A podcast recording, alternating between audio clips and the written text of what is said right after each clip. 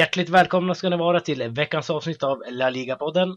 Denna vecka kommer vi att prata om såväl toppstriden som bottenstriden, men vi kommer även att fokusera lite extra på Real Madrid i del två av programmet. Daniel Jakobsson heter jag eh, och som vanligt har jag med mig Irans motsvarighet till Arne Hägerfors, Sam Saidi. Hur är läget med dig Sam? Ja, så kul att du sa att du skulle köra den innan podden och jag var helt säker på att det var ett skämt, men du gör det alltså i livesändning. Irans motsvarighet till Arne Hägerfors, det är en komplimang. Ah, jag vet ta det som en komplimang, men det är bra, tack! Hur är det själv? Ja, det var bra, det var bra. Eh, med oss den här veckan har vi även Meran Mahmoudi eh, som gör sitt andra inhopp i podden. Allt bra med dig Meran? Det är bara bra. Hur är det med dig Daniel? Ja, som sagt, det är fortfarande bra. det rullar på, som man säger. Eh, Vålborgsvecka och sådär. Eh, Meran eh, håller på Real Madrid, har varit med en gång tidigare i, program, i detta program. Jag kommer inte ihåg vilket, men det var några veckor sedan i alla fall. Klassiker eller? Ja, just det, precis. Härligt. El Clasico med Adam Pintorp där.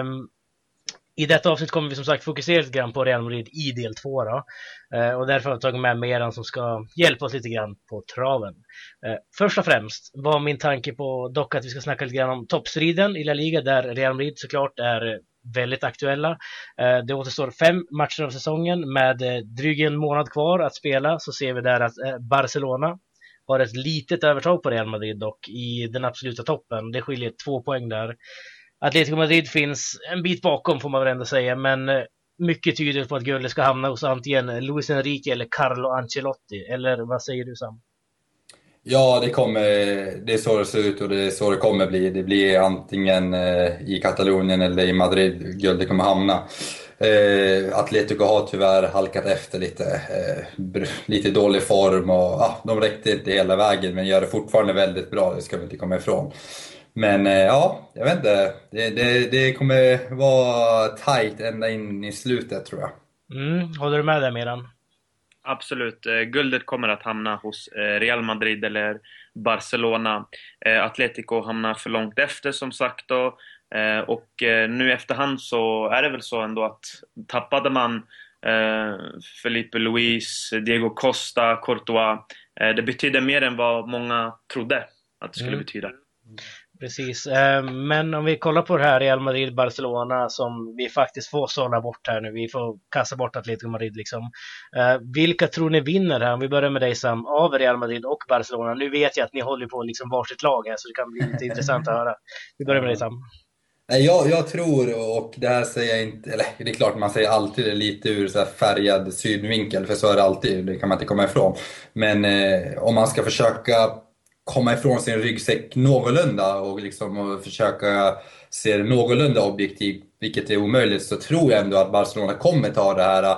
Och det beror framförallt på att laget har ett enklare spelschema framför sig. Jag räk, de har i och för sig Atletico borta, men jag kan inte tänka mig att Atletico kommer sätta käppar för hjulet om inte de har något att spela för i och med rivaliteten med Real Madrid.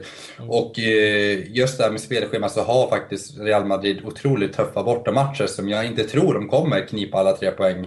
Eh, och då tänker jag framförallt på Sevilla borta ska de till. Nu kommer jag inte ihåg om de har Valencia kvar också, har de det? Eh, ja. Ja, Valencia går. Så de har, och det tillsammans med det här CL som kommer så kommer det bli otroligt tufft. Så det ska mycket till att eh, Real Madrid går fullt och då tror jag inte heller kanske Barcelona går fullt heller men jag tror att Real kommer tappa mer än vad Barcelona gör och det kommer bli avgörande. Men däremot får man inte glömma att något man inte tänker på att det här glappet på två poäng är mindre än vad man tror för att de leder inbördes mötena och där kan det bli farligt tror jag. Det är där mm, jag är lite det. nervös. Där har vi lite så här äh, historik från 2007 tror jag det var som spökar. Mm, kan komma tillbaka till en gammal äh, gästkrönika du skrev på Svenska fans som jag minns. Den moraliska segraren, den kan ja, vi länka till kanske. Äh, jag var ung då. ja, precis. Men du då Meran, Sam säger att Real Madrid har lite svårare spelschema, att det kan motverka deras eventuella titelchanser nu. Vad tror du? Vilka vinner? Äh, men jag kan hålla med Sam. Jag har svårt att se att Barcelona skulle tappa nu den här ledningen man har. Eh, jag tittade på deras spelschema. Eh, de har Sociedad hemmaplan. Eh, jag tror inte att Mois kan göra någonting där. Sen är det väl Atletico borta då, men Barcelona har haft det enkelt mot Atletico och som Sam säger, frågan är hur, hur sugen man är på att hjälpa Real Madrid.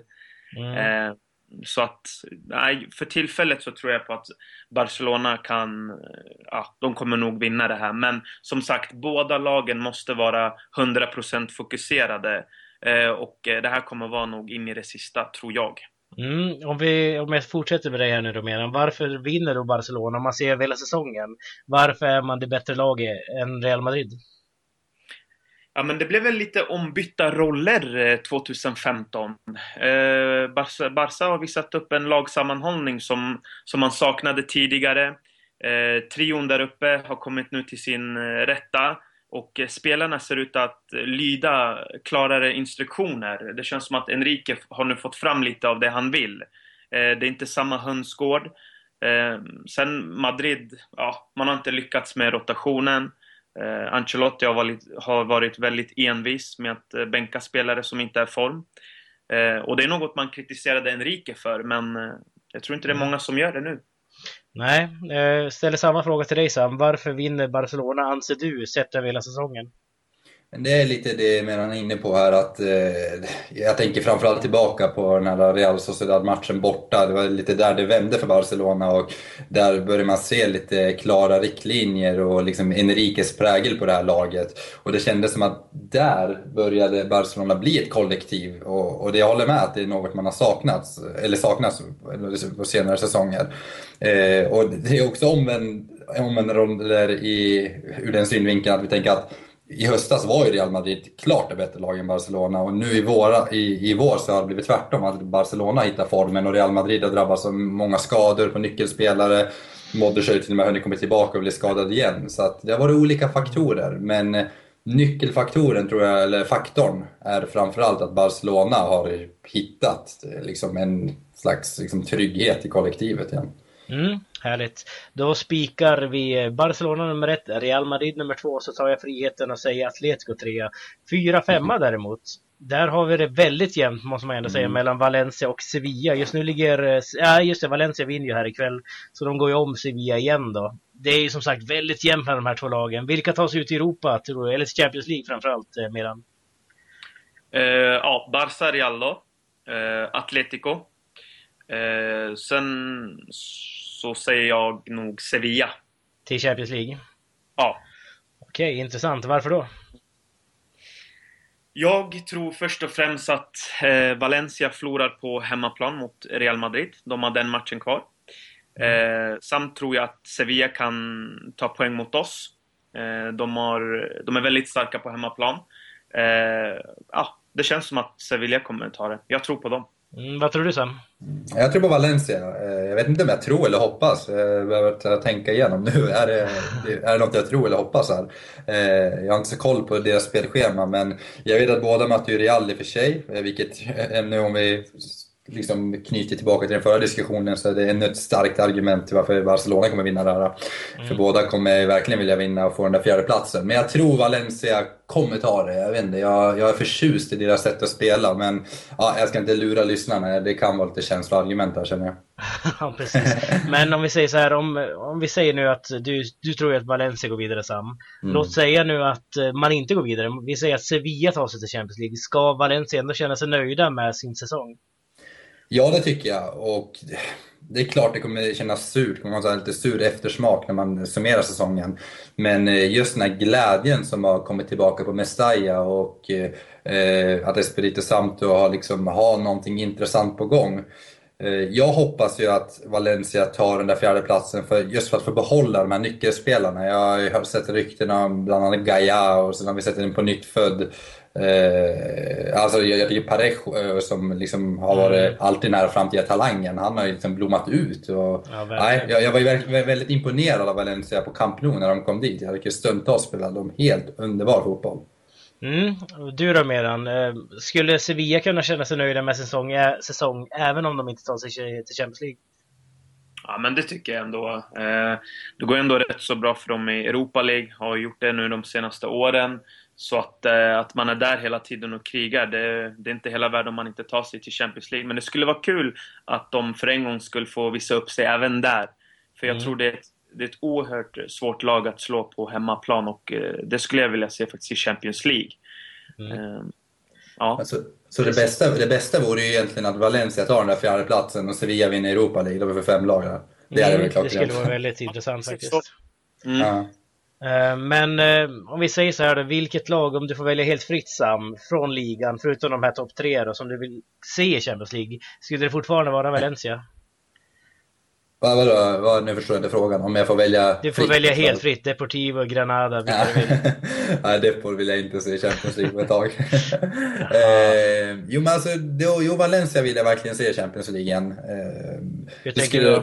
Ja, men just för att de har en historia som hör hemma i Champions League. Jag tänker framförallt tidiga 00-talet. Så att Valencia är en klubb som hör hemma i Champions League och nu har man äntligen hittat rätt och har också liksom investeraren i Peter Lim som kan liksom ta fram det här projektet. Annars så är jag ju liksom svag för Athletic Club, får de till det, Bilbao. Mm. Så med sin nya arena och så vore det häftigt att ha dem i CL igen. Men ja, de är lite, jag vet inte, de hade så dålig start och man vet inte riktigt vart man har dem inför säsongerna.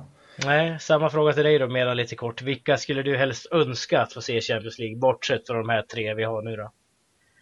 Mm. Jag eh, skulle faktiskt säga Villarreal. Eh, mm. De gånger jag har sett det laget spela fotboll, eh, jag har faktiskt blivit väldigt imponerad av dem. Eh, och sen kommer den här diskussionen om hur bra egentligen La Liga är jämfört med till exempel Premier League som många hyllar. Eh, jag undrar faktiskt hur bra egentligen nu, nu Villarreal skulle göra det i Champions League. De skulle faktiskt vilja se där. Mm, skulle vara intressant. Värt att betona också att det är väldigt mycket snack om Premier League i Sverige. Eh, när man var i Spanien exempelvis, när jag bodde där så var det ju faktiskt Premier League gick ju knappt att se på barerna där, så det var ju bara liksom Segundan som gick före liksom. Mm. Eh, men härligt, vi ska sätta stopp för del 1 och när vi är tillbaka ska vi snacka Real Madrid.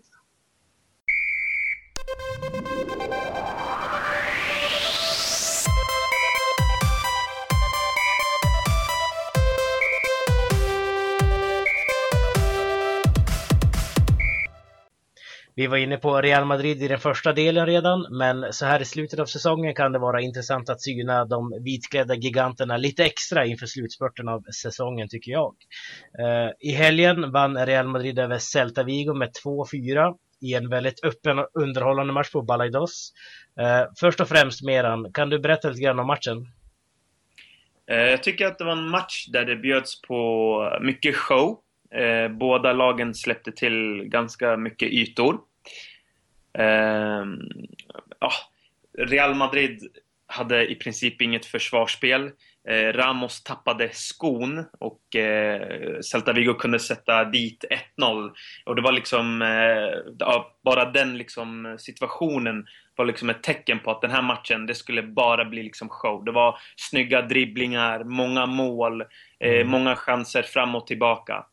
Mm, precis. Eh, vad, vad du säger om matchen Sam? Varför vinner Real Madrid?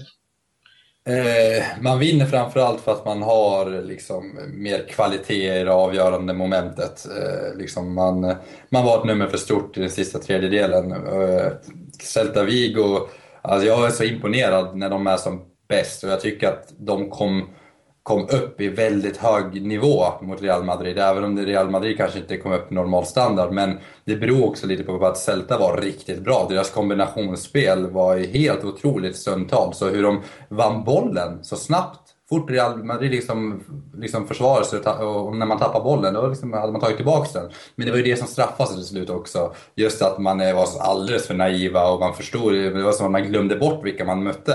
Och trodde att man själv var det här stora laget och det, det straffades ju ordentligt för att deras försvarsspel var ju verkligen under all kritik. Det var ju farligt fort Real Madrid faktiskt liksom kom ur den första pressen. Mm, håller du med där Meran? Tycker du att det är liksom pressspelet som blev både Celta Vigos liksom bra signum men samtidigt det som straffade dem i slutändan? Vad tycker du? Nej men absolut, de fick lite storhetsvansinne och började liksom eh, ja, pressa riktigt hårt. Eh, Nolito hade, hade lekstuga med Carvajal på vänsterkanten. Mm. Ehm, och Celta Vigo, de tappade bort eh, helt och hållet markeringen. Det var, det var Ramos som slog en assist till Chicharito och det säger ju ganska mycket. det var en grym assist dock. det var riktigt Ja, det var det, det, var det absolut. En Jamie ja. Carragher-assist som vi brukar säga. Eh, men eh, frågan är inte om, alltså jag undrar inte någonstans, för att det stod, nu ska jag komma ihåg rätt, det var 2-2 där tror jag innan 3-2. Ja, och då var det ju en straffsituation där som Kroos var inblandad i. Jag undrar inte om det skulle vara straff där till, eh, till Celta Vigo. Och sen tror jag det är anfall efter Real Madrid gör faktiskt 3-2. Mm. Ja, det är fotbollslogiken där. Ja, var, jag vet inte om ni kommer ihåg den situationen, men den, var, den kändes lite farlig. Absolut. Mm. Nej, men det, det, var nog, det var nog straff. Kroos fällde den spelaren vid, det, vid den situationen, men det är så. Ska man vinna ligan behöver man också turen med sig. Så är det med alla stora lag. Eh, tyvärr, både på gott och ont väl. Att man får med sig domarslut och att man inte får med sig. Mm, precis. precis. Eh, förra veckan så spelade även Los Blancos eh, kvartsfinal i Champions League mot Atletico Madrid. Vann där med 1-0 efter två matcher. Då.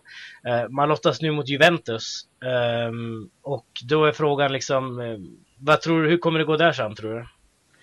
Eh, ja, det Juventus var ju, har ju varit så roliga liksom, eh, ja, saker uppe på nätet där med att Juventus är den här tjejen som de tre killarna flörtar med lite. att alla vill ha Juventus. Mm. Eh, men eh, ja, det är klart det är den bästa lottningen på pappret. Men Champions League är alltid Champions League och Juventus har en historia som vi, som vi inte får glömma och de har kvalitetsspelare. Sen så tror jag ändå att Real Madrid kommer vara numret för stort i slutändan. Men eh, ibland tyckte jag liksom diskussionen kunde spåra ut där liksom eh, alla ville ha Juventus och att det skulle knappt bli något motstånd. Och där tror jag, så kommer det inte bli. Mm, vad tror du Merant? Ser du Juventus som eh, drömmotståndaren om man kollar på Barcelona, Bayern, Juventus, Real Madrid av de här fyra? Faktiskt inte, för att man ska vara försiktig med Juventus.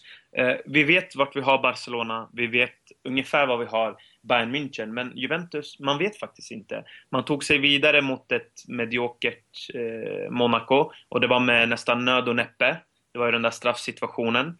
Eh, sen tog man sig vidare också mot eh, Dortmund var det ju. Eh, inte, ett, eh, det, inte det bästa Dortmund.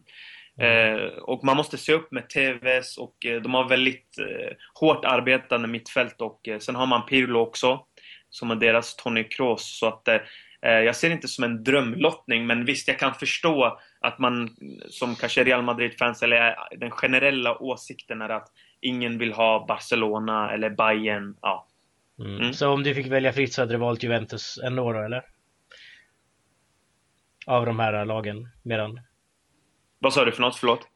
Så om du skulle få välja själv mellan de här mm. lagen så skulle du ta Juventus i slutändan, eller? Ja, faktiskt. Eh, ja, ändå. Jag hade ändå nog valt Juventus, men eh, jag hade faktiskt inte haft eh, något emot att spela mot faktiskt Bayern München, skulle jag mm. säga. Mm. Skulle vara hellre se Barca mot Real Madrid i en final, måste man ändå säga. Om vi tar... Nej, jag kan förstå det. Men som neutral är det väldigt intressant. Ja. Om vi tar ett steg tillbaka då. Man slog som sagt ut Atletico Madrid i två väldigt stängda möten måste man ändå säga. Äntligen får man också lov att säga, så vann Carlo Ancelottis eh, mannar mot Atletico Madrid. Vad gjorde man rätt den här gången, medan som man inte gjort tidigare?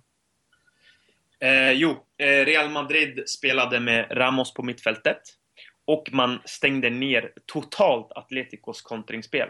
Och om man tittar på Atletico Madrid, eh, det många inte lägger märke till det är att Miranda och Godin använder Mandzukic och Griezmann i luftrummet då, med långa bollar och sen spelar man ut då på kanterna. Där stängde Real Madrid totalt ner. Mm. Eh, Atleticos, eh, det är ju huvudspelet som är Atleticos främsta vapen.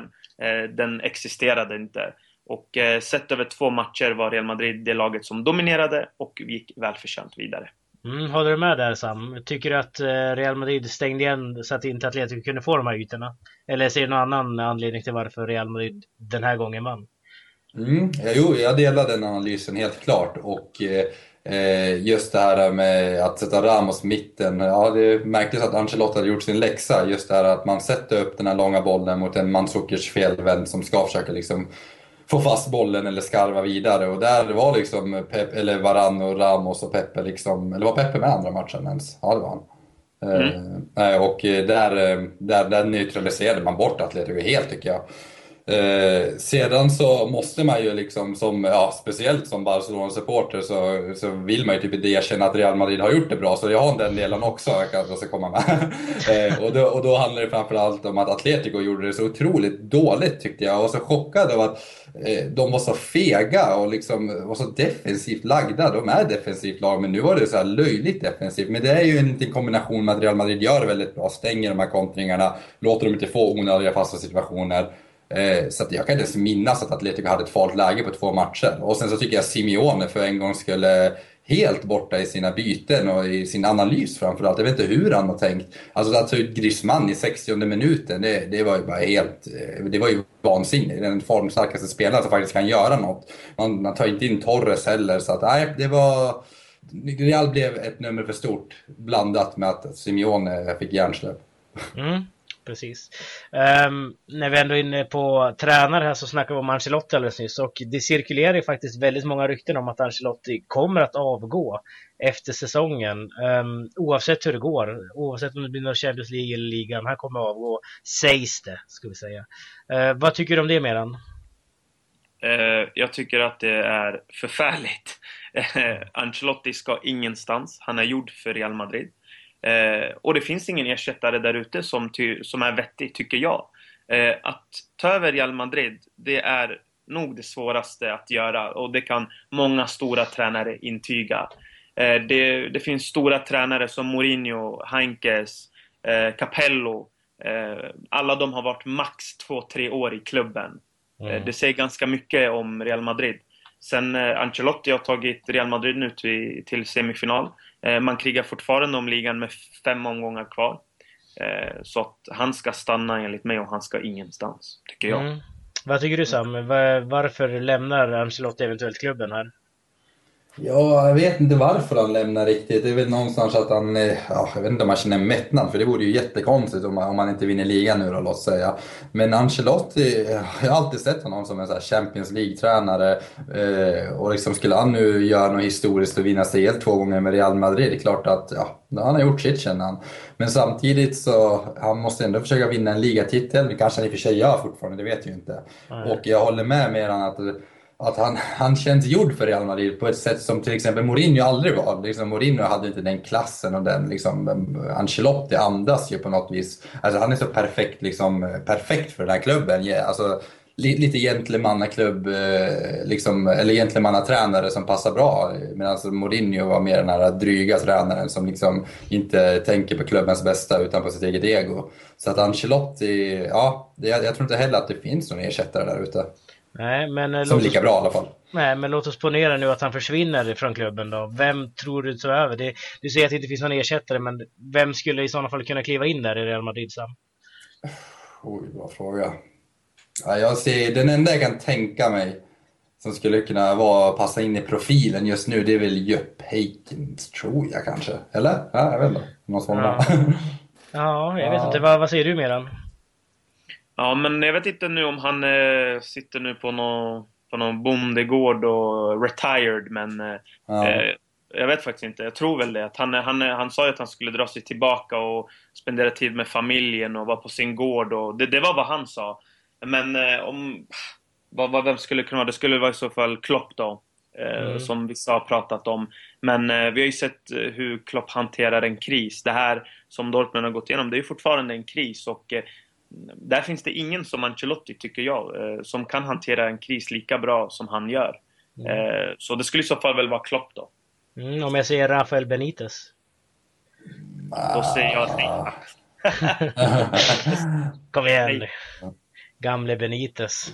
Ja. det är svårt, jag håller med. Det är svårt att ta över Real Madrid. Det är svårt på, alltså, jag vet ju själv hur svårt det är att ta över mitt eget Barcelona, men det är svårt på ett annat sätt. Eh, men Madrid är liksom ja, man måste kunna hantera de här stora stjärnorna och det är det som många har misslyckats med känns som.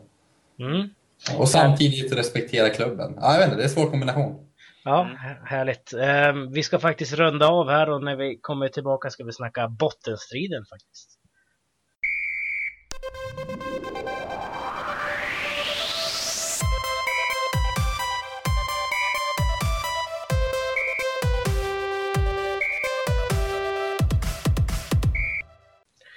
Om eh, toppstriden är jämn så är den ingenting i jämförelse med bottenstriden som i allra högsta grad lever nu med fem matcher kvar att spela. Efter helgens matcher kopplade Levante och Almeria lite greppet om att säkra kontraktet nu sen båda lagen vunnit mot Getafe respektive Granada. Sämre ser det ut för just Granada, Deportivo Eibar och Cordoba som eh, ja, det är någon av de tre som det förmodligen kommer, eh, de, någon av de tre lagen som kommer för, eh, ryka förmodligen, eh, ska jag säga. vilka tror du åker ut Sam och varför? Ja, en, en kan vi, en kan, alltså Cordoba kan vi skriva upp, de är ju ute. Eh, inte en chans i världen att de eh, tar, alltså de är ju till säker mark, är ju 11 poäng upp till Almeria. Så det är kört. Eh, sedan så är det hugget som stöcket. Och jag tror också Granada är körda faktiskt om jag ska vara ärlig. Granada Cordoba räknar jag bort. Sen är det hugget som stöcket om det ska vara Depor, Almeria, Ibarra. Det, det, den är svårare så att den håller jag öppen för diskussion. Mm. Om vi ska hålla på och hålla igång den här diskussionen då. Mm. Vilka tror du Meran kan ligga i riskzonen? Tror du att Cordoba Granada är avhängda nu? Eh, jag instämmer med det Sam sa. Cordoba åker ut. Eh, de har nio poäng upp till Deportivo. Eh, Cordoba har Barcelona kvar att möta. Det är på hemmaplan, men den vinner de ändå inte. Och de ryker, absolut. Mm. De har varit helt enkelt för dåliga. Det finns ingen större analys i det. Och sen tror jag att Granada också ryker. Av det jag har sett av dem. De håller inte heller till. Eh, och den sista platsen, jag säger nog att eh, ja, Almeria ryker också. Okej, okay, Almeria alltså. Mm. Eh, hur motiverar du det? Nej, inte för att jag har sett så mycket nu av Almeria, men jag motiverar med att jag tror att Deportivo klarar sig och det är lite som eh, Sam var inne på med Valencia. Eh, jag gillar Deportivo, det är ett historiskt lag så att jag hoppas att de är kvar. så du går på känslan med andra ord här? Ja. Härligt, det gör jag också. Jag tror att Deportivo kommer tia i år. Eh, vi vinner resten av matcherna. Nej, skämt åsido. Men eh, vad tror du då Sam? Eh, tror du att Depor ryker här nu? Eller vilka, vilket är det tredje laget du tror? Eh, jag tror också, alltså, jag börjar bli orolig för Eibar. Jag vill, jag vill ju också att Depor ska hålla sig kvar. Och Eibar är ju också en favorit här i podden. Så att, jag hoppas ju att Almeria ryker. Så att det okay. blir Almeria, Granada, Cordoba. Eh, kanske lite förakt mot södra Spanien. ja, verkligen. Det är tre, tre stycken andalusiska lag som försvinner i sådana fall. Skicka ut de lata. de lata. Men om vi tar Cordoba här till att börja nu Alltså de har alltså 20 poäng efter 33 matcher. Det är ju fruktansvärt dåligt måste man säga. Tre vinster på hela säsongen. Eh, vad har gått snett i Cordoba under säsongen Sam? Ja, mycket. Eh, dels så har man alldeles ja, för dåligt lag kan man ju säga, men det, kan man ju säga med Eibar också. Det, utan, det, utan det handlar ju framförallt om att få till det här kollektiva lagbygget eh, blandat med att man kanske tar kvaliteten. Men framförallt när man är nykomling, när man är så pass eh, liksom, eh, underdog så måste i alla fall kollektivet fungera. Och helst gärna så ska ju någon sticka ut. I och för sig kan jag tycka att Gillas har stickit ut, stick ut lite. Han har gjort så här sju baljor. Eh, men annars så har inte någon annan gjort något liksom, över förväntan. Jag kan tycka att Borja Garcia på mittfältet har gjort det helt okej. Okay. Gillas har gjort det okej. Okay. BB är ju usel. Eh, Ja, nej, försvaret uselt. Och, ja, nej, men det, liksom, det hade behövts att fler spelare liksom överträffade sig själva och det gjorde ingen. Nej, om jag ska dra en snabb analys på Cordoba, det är väldigt sällan jag drar analyser här. Men eh, vi ser Gillas här nu. Du säger att han, han har varit bra, det har han varit. Men sen José Romero tog över så har han ju fått väldigt lite speltid till att börja med. Han har skapat mycket bråk i truppen och det har varit mycket runt omkring där. Vilket öppnat upp för Florin Andone, eh, rumänen där, som har gjort mm. det väldigt bra. Han gjorde ju fyra mål på fyra matcher eller någonting bara för några veckor sedan här. Mm. BB eh, håller jag med om. Alltså där har vi en spelare som har så mycket talang men får inte ut det. Och drar man skott på skott från 40 meter så är det klart att bollen kommer gå över liksom 9 av 10 gånger. Eh, Borja Garcia, som du nämner, en fruktansvärt bra spelare tycker jag i alla fall. Jag minns mm. honom från Segundan för några år sedan när han vann, ja, kom två eller tre i skytteligan som mittfältare. Det är ju starkt. Han gick till Real Madrid Castilla, slängde bort sin karriär, nu är han tillbaka i Cordoba och ja, det går ju sådär. Ja. Eh, men, men där ser man att det finns kvalitet i alla fall. Det är liksom, eh, ja. Att han är klart, precis som alla andra måste han överträffa sig själv lite mer. Men ja, det väl, han var lite ensam där ett tag tyckte jag.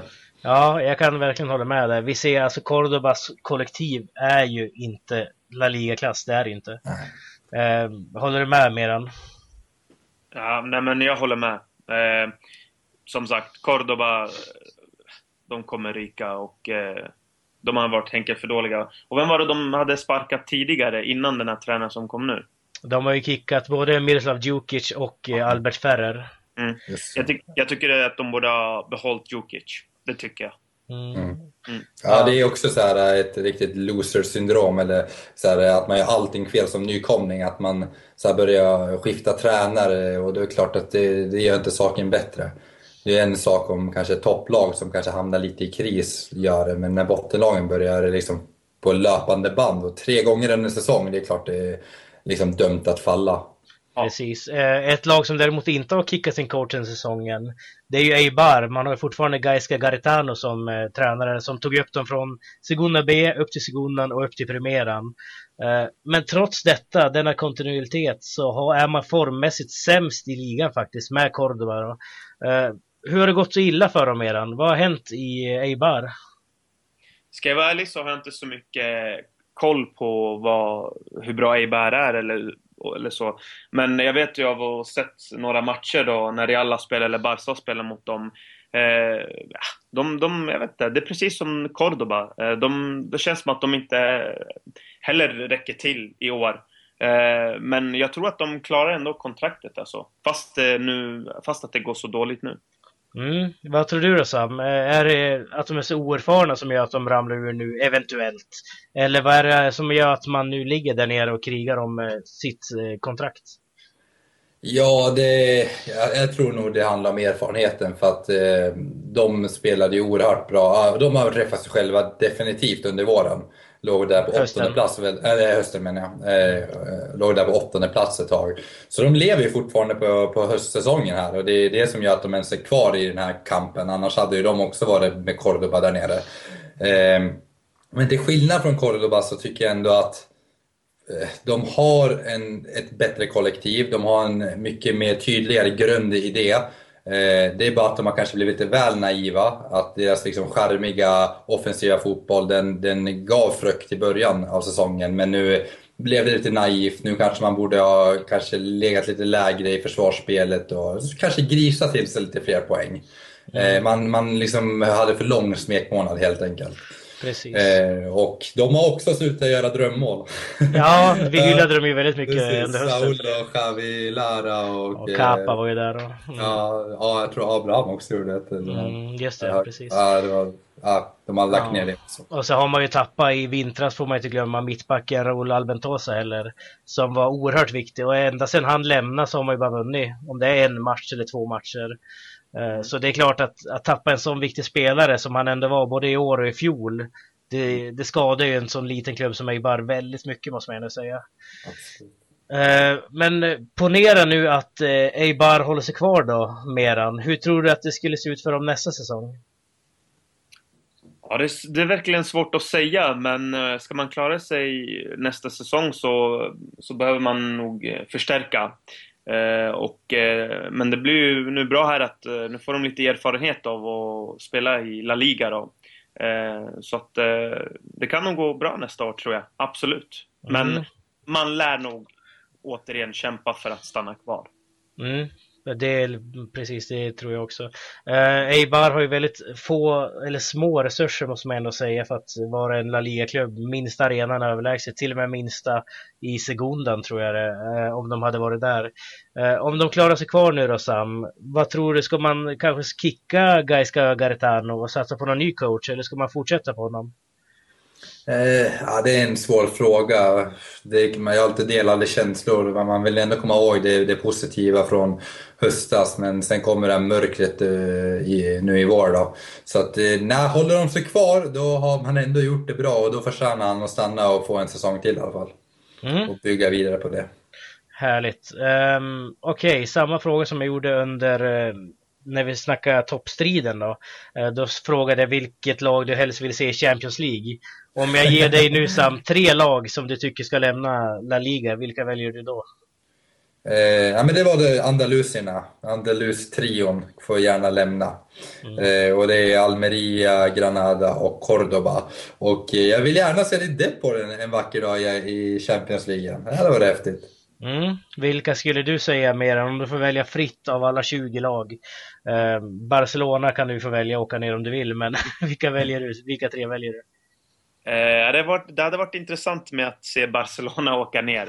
Eh, nu blev jag Sam arg här. eh, nej, skämt, åt, eh, skämt åsido, det lär inte hända på bra många år. Men eh, Granada, Cordoba och Almeria sa jag väl. Så är det. Mm. Mm, du står fast vid dem? Absolut, jag vid dem. Då slänger jag ut, ska vi se här. Jag kan slänga ut Getafe. Som jag tycker är väldigt tråkiga faktiskt, om jag ska vara ärlig. Levante Getafe, Levante och eh, Cordoba slänger ut. Jag låter Granada kvar bara för att jag var där förra året och kollade på någon match, så det var kul. Eh, men vi ska faktiskt... Vilket känsloargument i den här podden. ja, det brukar vara det. Eh, vi ska faktiskt eh, avsluta programmet, men innan vi gör det Sam, så ska du köra någonting. Vad har du för oss här? Ja, ska köra veckans lista och då blir veckans Tokiero, det blir såklart Chicharito och Javier Hernandez. Vilken vecka han har haft. Skjutit Real till eh, Champions League semifinal och eh, är helt avgörande faktiskt nu i helgen och håller ligakampen eh, vid liv. Så att han förtjänar, den, förtjänar det här. Han läste också nu precis innan podden att han hade något fantastiskt målsnitt som kan jämföras med Messi och Ronaldo. Ja. Så att, Veckans favör då? Veckans favör får jag, ja, tyvärr höll jag på att säga, med, med glädje ge till eh, David Moyes. En tränare jag aldrig har gillat egentligen. Tyckte det var kul ändå på något sätt att han kom till La Liga. Eh, tänkte att han kunde göra någonting speciellt med Real Sociedad och det har han gjort fast åt andra hållet. Han har gjort det väldigt dåligt. Så att eh, formen talar för sig själv. David Moyes eh, har inte fått ut eh, liksom, eh, all den potential som finns i, i det laget. Så att, nej, och det har verkligen illustrerats nu, nu de senaste omgångarna, eller senaste tiden. Så att nej, mm. det blir David Moyes, veckans favör. Mm, härligt. Eh, viktigt att säga här också för alla som håller på Real Sociedad så måste man ändå säga att han har gjort okej okay ändå med tanke på att han tog över ett lag som låg näst sist i tabellen i november. Men visst. Det var ju en riktig lite... underprestation. ja, det får man väl säga av Arasate. Men eh, ja, vad, vad, tycker du om listan här Meran? Kan du köpa den? Ja men absolut. Eh, Chicharito har varit eh, fantastisk och han är en bidragande orsak till semifinalsplatsen och här är väl nu två mål då mot Celta Vigo. Eh, sen David Moyes, ja, det är lite osäker, men visst, jag kan väl hålla med, absolut. Mm, härligt. Eh, tack så jättemycket för att du ville vara med denna vecka, Meran. Tack så mycket, tack, tack. Eh, och tack också till dig Sam såklart för att du eh, står ut med mig tänkte jag säga. Eh, men vi hörs nästa vecka och det gör vi alla andra också. Vi har en ny gäst och ett nytt program då och tack för oss, hej då! Hej då! Hej då!